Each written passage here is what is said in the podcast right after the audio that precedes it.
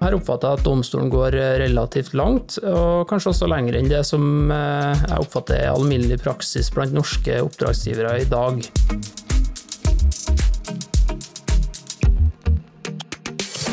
Hei og hjertelig velkommen til Anskaffelsespodden episode 5.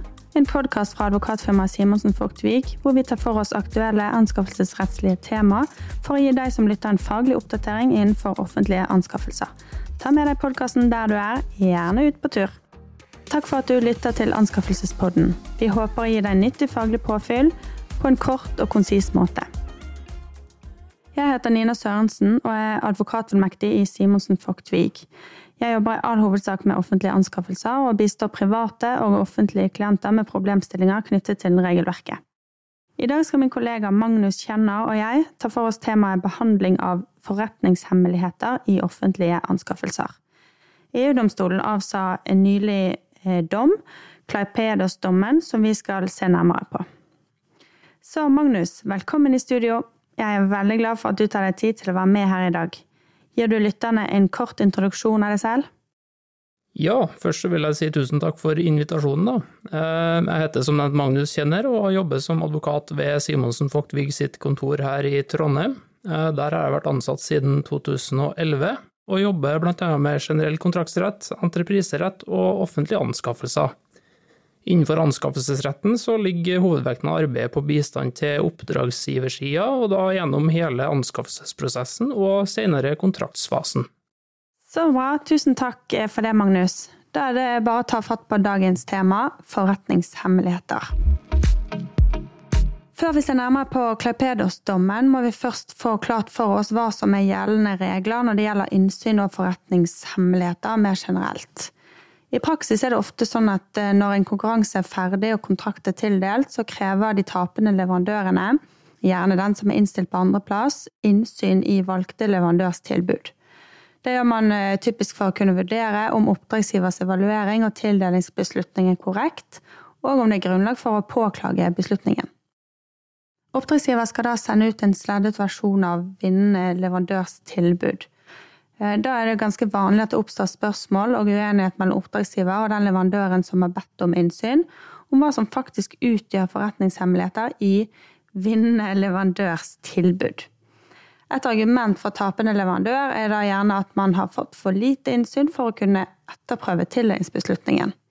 Hva kan du si om hvilke generelle regler som gjelder om dette med innsyn og forretningshemmeligheter, Magnus?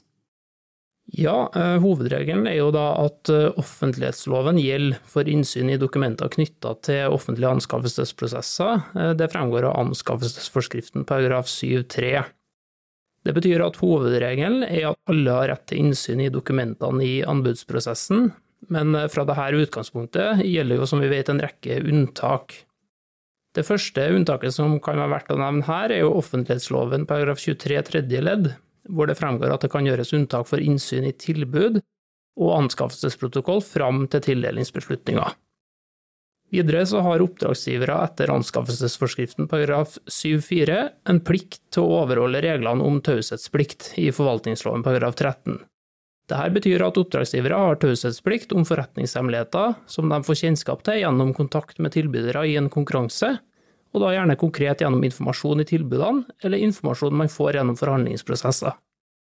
Eh, ja, før vi går videre kan vi bare kort nevne hva som utgjør forretningshemmeligheter. Det er altså informasjon som gjelder drifts- eller forretningsforhold som det vil være av konkurransemessig betydning å hemmeligholde av hensyn til den som opplysningen angår. I anskaffelsessammenheng kommer dette med konkurransemessig betydning og hemmeligholdet ofte på spissen, fordi det er jo direkte konkurrenter som ber om innsyn eh, i opplysninger som er relatert til drifts- og forretningsforhold. Det vi så langt har snakket om, gjelder for oppdragsgiver og oppdragsgivers eh, interne behandling av innsynsbegjæringer. Men hva gjelder dersom anskaffelsen bringes inn for domstolene, Magnus? Dersom anskaffelsen bringes inn for domstolene for rettslig prøving, så er det tvistelovens regler som er styrende for spørsmål om hvilke bevis som kan og skal fremlegges. Utgangspunktet her er at eh, partene har rett til å føre de bevis de ønsker, og at partene har en plikt også til å, til å fremlegge de bevis som kreves for å sikre at saken blir riktig og fullstendig opplyst. Men tvisteloven oppstiller også en rekke bevisforbud og bevisfritak. Det vil jo da si bevis som partene ikke har noen plikt til å fremlegge, fritak, og bevis som det ikke er lov å fremlegge, altså bevisforbud.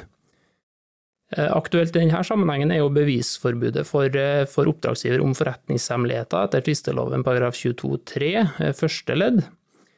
I andre og tredje ledd så er det oppstilt et system hvor departementet kan samtykke til at beviset likevel skal føres, eh, og hvor retten kan overprøve departementets vurdering av dette samtykkespørsmålet.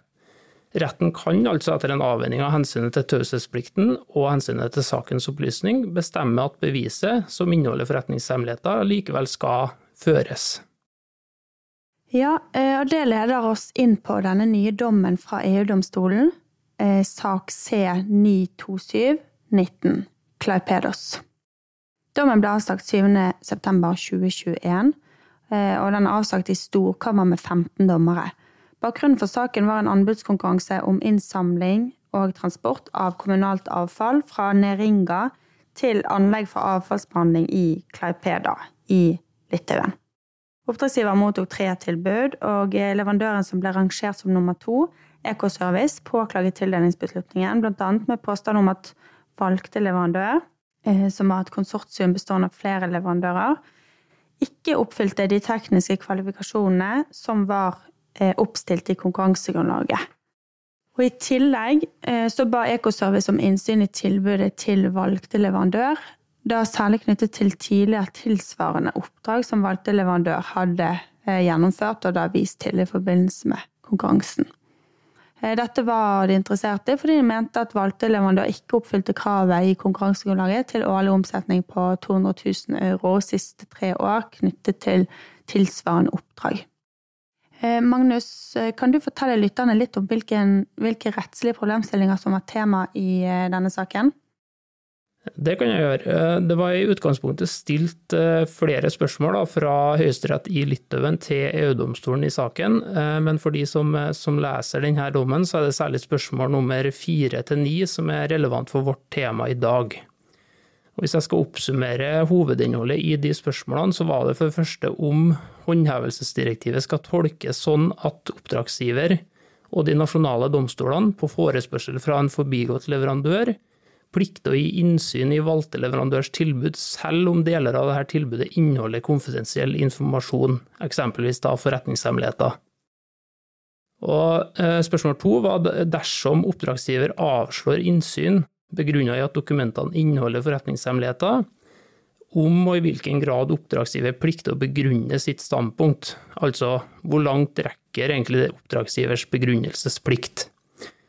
Og det siste var eh, dersom en domstol avslår innsyn, begrunnet i at dokumentene inneholder forretningshemmeligheter som ikke kan gjøres kjent for saksøker, om retten på eget initiativ skal vurdere relevansen av de taushetsbelagte dokumentene, og deres betydning for lovligheten av tildelingsbeslutninga og anskaffelsesprosedyren for øvrig.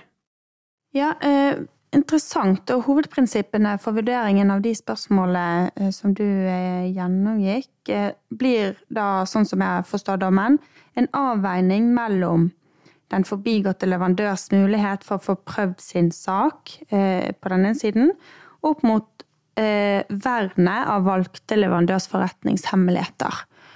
Disse hensynene må balanseres, og begge hensynene må på en eller annen måte ivaretas. Ja, det, det er helt korrekt. Det, det, er jo den sentrale og, for så vidt også vanskelige avveininga som må gjøres. Og EU-domstolen presiserer jo også i sin avgjørelse at uh, både oppdragsgivere og domstolene ikke kan hoppe bukk over vernet av forretningshemmeligheter ved å vise til den tapende leverandørens behov for innsyn og mulighet for å få prøvd sin sak. Vern av forretningshemmeligheter er noe som må ivaretas på alle trinn av anskaffelsesprosessen, og også i senere rettslige prosesser om anskaffelsen. Vi kan jo først se på hva EU-domstolen sier om eh, rekkevidden av oppdragsgivers plikt til å beskytte konfidensiell informasjon, eh, eller forretningshemmeligheter, da, og deretter rekkevidden av eh, oppdragsgivers begrunnelsesplikt. Hva kan vi trekke ut av EU-domstolens avgjørelse på disse punktene?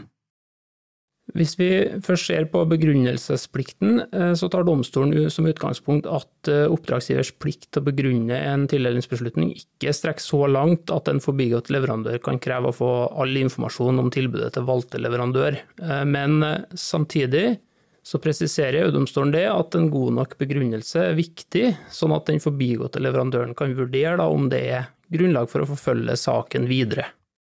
Ja, altså Det er jo klart, eh, klart, nok at oppdragsgiver ikke uten videre kan legge til grunn tilbyderens konklusjon om at eh, de aktuelle opplysningene utgjør forretningshemmeligheter, og dermed skal sleddes. Eh, så spørsmålet blir jo da hvor langt oppdragsgiver plikter å gå for å etterspørre tilbyderens vurdering av at opplysningene som de mener skal sleddes, faktisk utgjør forretningshemmeligheter som kan unntas fra innsyn. Ja, her er det interessant å lese EU-domstolens begrunnelse. Eh, og her oppfatter jeg at domstolen går relativt langt, og kanskje også lenger enn det som eh, jeg oppfatter er alminnelig praksis blant norske oppdragsgivere i dag. Eh, domstolen uttaler jo først da, i premiss 123 og 124 at oppdragsgiver som et minimum plikter å gjøre en selvstendig vurdering av hvilke opplysninger som er forretningshemmeligheter. Og det her er for så vidt ikke noe nytt, det her følger, følger allerede av gjeldende rett i dag. Men videre så sier de det at eh, oppdragsgiver plikter å gi en begrunnelse, og i tillegg gi så mye som mulig av opplysninger om valgte leverandør og tilbudet uten at dette avslører forretningshemmeligheter. Og Da er det særlig informasjon knytta til hvilke kvaliteter ved valgte leverandør og tilbudet som gjorde at denne ble valgt fremfor de andre som er interessant og viktig å dele med dem som ber om innsyn. Ja, eh, og dette er jo nettopp i kjernen av den avveiningen vi var inne på. Sant? Beskyttelse av forretningshemmeligheter på den ene siden, eh, også den tapende leverandørs mulighet til å etterprøve eh, beslutningen og tildelingen av kontrakt i den aktuelle anskaffelsen. Hva sier EU-domstolen om de nasjonale domstolenes plikt til å beskytte forretningshemmeligheter, og hvor langt domstolene må gå i å gjennomgå valgte leverandørstilbud. På dette punktet så fastslår EU-domstolen først at domstolen plikter å ivareta både hensynet til en rettferdig konkurranse i anbudsprosesser og hensynet til å beskytte konfidensiell informasjon, eh, og også da forretningshemmeligheter fra konkurrenter i en anbudskonkurranse. Dette er jo for så vidt ganske opplagt, men eh, EU-domstolen går videre fra det, og uttaler deretter at det følger av håndhevelsesdirektivet en plikt for en domstol i en sak om en offentlig anskaffelse til å få oversendt valgte leverandørs tilbud i usladda versjon, og vurdere om opplysninger som er sladda, reelt sett utgjør forretningshemmeligheter. Og Dette resonnementet er for så vidt logisk nok for at domstol skal kunne etterprøve oppdragsgivers begrunnelse for å sladde et dokument, så må domstolen gjøre en konkret vurdering av dokumentet i en usladda versjon. Så på samme måte som at oppdragsgiver ikke bare kan legge til grunn tilbyderens begrunnelse for å sledde, så kan heller ikke domstolene eh, legge til grunn eh, oppdragsgiver eller tilbyders begrunnelse for å sledde. Eh, det må foretas en konkret gjennomgang og vurdering av domstolen i den enkelte sak. Hvis vi går videre og ser på tvistelovens bestemmelser om dette, så har norske domstoler en formell adgang i paragraf 26-7 første ledd til å kreve fremlagt det usledede tilbudet for å vurdere om det skal kunne fremlegges som bevis i saken, eller om det skal unntas med hjemmel i bevisforbudet, som du nevnte, eh, Magnus. I paragraf 26-7 første ledd står det at ved tvist om tilgang til bevisgjenstander kan retten kreve gjenstand fremlagt til avgjørelse om den utgjør bevis. Eh, men i praksis så benytter ikke norske domstoler denne adgangen så veldig ofte. Nei, det er nok ikke veldig vanlig ut fra det jeg kjenner til at eh, domstolene mottar valgte leverandørs utslag av tilbud og konkret vurderer hva som utgjør forretningshemmeligheter. Men her mener altså EU-domstolen tilsynelatende i hvert fall at dette er noe domstolene i større grad må gjøre. Eh, og domstolene har altså, som du nettopp nevnte Nina, en hjemmel til det her i tvisteloven allerede. En eh, potensiell ulempe med det her med å involvere domstolene i tvister om sledding av tilbud, eh, er jo at det er kostnadsdrivende, og i tillegg til at det potensielt eh, forsinker prosessen i hovedsaken. Dersom domstolen da kommer til at opplysninger i valgte leverandørs tilbud eh, er forretningshemmeligheter og derfor underlagt taushetsplikt og ikke kan fremlegges, eh, så tenker man nå da videre på kontradiksjonsprinsippet. Fordi at i kraft av kontradiksjonsprinsippet så kan jo heller ikke retten egentlig legge vekt på disse opplysningene sånn uten videre. Men det er ikke helt klart etter Klaipedos-dommen, Magnus? Nei, det, det, er korrekt. Eh, tvistelovens system er jo sånn at uh, partene har ubegrensa innsyn i sakens dokumenter i henhold til tvisteloven § 14-1. Og så følger det også av eh, paragraf 11-1 tredje ledd at retten ikke kan bygge avgjørelsen på et faktisk grunnlag som partene ikke har hatt foranledning til å uttale seg om. Og Begge de her bestemmelsene skal jo ivareta det hensynet til kontradiksjon som vi var inne på. Og vi vet også at dette er et helt sentralt prinsipp i, i norsk prosessrett. EU-domstolen uttaler imidlertid i premiss 131 i sin avgjørelse, med henvisning til Varek-dommen, at kontradiksjonsprinsippet ikke nødvendigvis innebærer at domstolen ikke kan få tilgang til taushetsbelagt informasjon, uten at de her er kjent for saksøker, eh, tapende leverandør, gjerne da. Dette står i ganske klar motstrid til kontradiksjonsprinsippet. Eh, ja, og hvis vi går litt tilbake til eh, denne Varek-dommen fra 2008, så er det uttalelser der som må tolkes slik at EU-domstolen mener at det kan være tilfeller hvor kontradiksjonsprinsippet må vike for å beskytte en viktig offentlig interesse, eller en viktig allmenninteresse, som de sier. Og gå videre til å si at hensynet til rettferdig konkurranse i offentlige anskaffelsesprosesser Eh, er nettopp en slik viktig offentlig allmenninteresse. Etter at Varg-dommen ble avsagt, så kom jo Lovavdelingen i Justisdepartementet med en fortolkningsuttalelse. Hva fremkom der? Ja, eh, Lovavdelinga kom eh, med sin fortolkningsuttalelse på bakgrunn av denne Varek-saken i 2010. Eh, og Lovavdelinga ble bedt om å vurdere om den saksbehandlinga som eh, man skisserte i Varek, er forenlig med norsk rett, eh, og hvordan en eventuell motstrid skal løses. Innledningsvis så henviser Lovavdelinga til kontradiksjonsprinsippet og EMK artikkel 6 om kravet til rettferdig rettergang. Deretter så konkluderer Lovavdelinga med følgende. Det kan etter dette synes som om tvistelovens bestemmelser om partsinnsyn og grunnlaget for rettens avgjørelser står i et visst motsetningsforhold til uttalelsene i EU-domstolens dom i Varek.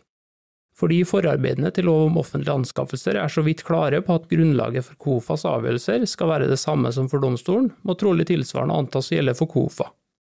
Hvorvidt det er en motstrid her som bør føre til endringer i de norske saksbehandlingsreglene for tvister om offentlige anskaffelser, og eventuelt hvordan en slik motstrid skal løses, må eventuelt vurderes i en alminnelig lovendringsprosess. Eh, dette motsetningsforholdet som Lovavdelingen pekte på i 2010, eh, det står vel også ved lag etter Kleipeders-dommen, da? Ja, det, det fremstår som, som, rimelig klart. Eh, dersom dommen skal forstås sånn at håndhevelsesdirektivet tilsier at kravet til effektiv rettsbeskyttelse medfører at domstolene har tilgang til opplysninger som ikke kan fremlegges, så vil dette kunne medføre en, en ny kurs for hvordan anskaffelsestvister behandles i domstolene. Eh, og Dette vil jo også kunne påvirke saksbehandlinga i KOFA, ettersom de følger tvistelovens eh, bevisregler. Hvis vi mot slutten her løfter blikket litt, kan du gi noen tips til lytterne om hva det er viktig å tenke på når det gjelder forretningshemmeligheter i offentlige anskaffelsesprosesser? Det kan jeg gjøre. Eh, jeg vil jo fremheve først for oppdragsgiversida eh, at det er viktig å være bevisst på at det er, som vi har vært inne på, oppdragsgiver som plikter å vurdere om det som en leverandør ønsker å sledde fra sitt tilbud, faktisk utgjør en forretningshemmelighet. Her må oppdragsgiver gjøre en egen konkret vurdering. Eh, min erfaring er nok at det generelt sleddes for mye, og at kanskje tankegangen er at en som leverandør heller sledder litt for mye enn for lite. For leverandørene så kan jo nevnes at dersom man mener at det er begått feil i anbudsprosessen, så kan det kreves innsyn, og det kan også kreves en skikkelig begrunnelse fra oppdragsgiver for hvorfor det aktuelle materialet fra å vinne leverandørs tilbud er sledda. På denne måten så kan en også som leverandør lettere vurdere om det er grunnlag for å gå videre med saken eller ikke. Da nærmer vi oss dessverre slutten her, Magnus. Men før vi takker for oss, så skal jeg prøve meg på en oppsummering.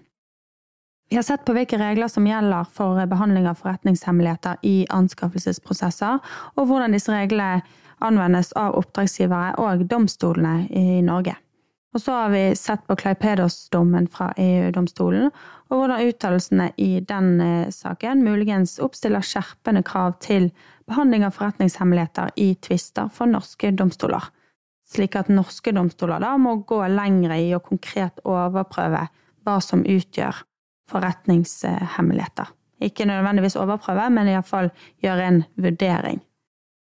Ja, det blir spennende å følge med på om denne dommen får betydning for hvordan de her problemstillingene håndteres av eh, oppdragsgivere da, og eh, senere domstolene og KOFA. Eh, på den ene sida står jo kontradiksjonsprinsippet sterkt, noe som tilsier at begge parter må få innsyn i de dokumentene som domstolen baserer sin avgjørelse på. Og en endring her må nok eh, i så fall involvere lovgiver, som Lovavdelinga også er inne på. Eh, på den annen side så er jo håndhevelsesdirektivet bindende for, eh, for norske domstoler. Da runder vi av og takker for oss. Magnus, tusen takk for ditt bidrag i denne episoden. Og tusen takk til våre lyttere, som vi håper har fått nyttig faglig påfyll om håndtering av forretningshemmeligheter i anskaffelsesprosesser, og kanskje fått gått en tur samtidig. Husk å følge Anskaffelsespodden enten på Spotify eller Apple Podkast for å få med deg episodene som legges ut. Har du spørsmål til Anskaffelsespodden eller temaforslag, send oss gjerne en e-post til podkastalfakrøll.svw.no. Kjære lytter, takk for nå, og velkommen tilbake til neste episode. Ha det bra! Ha det bra!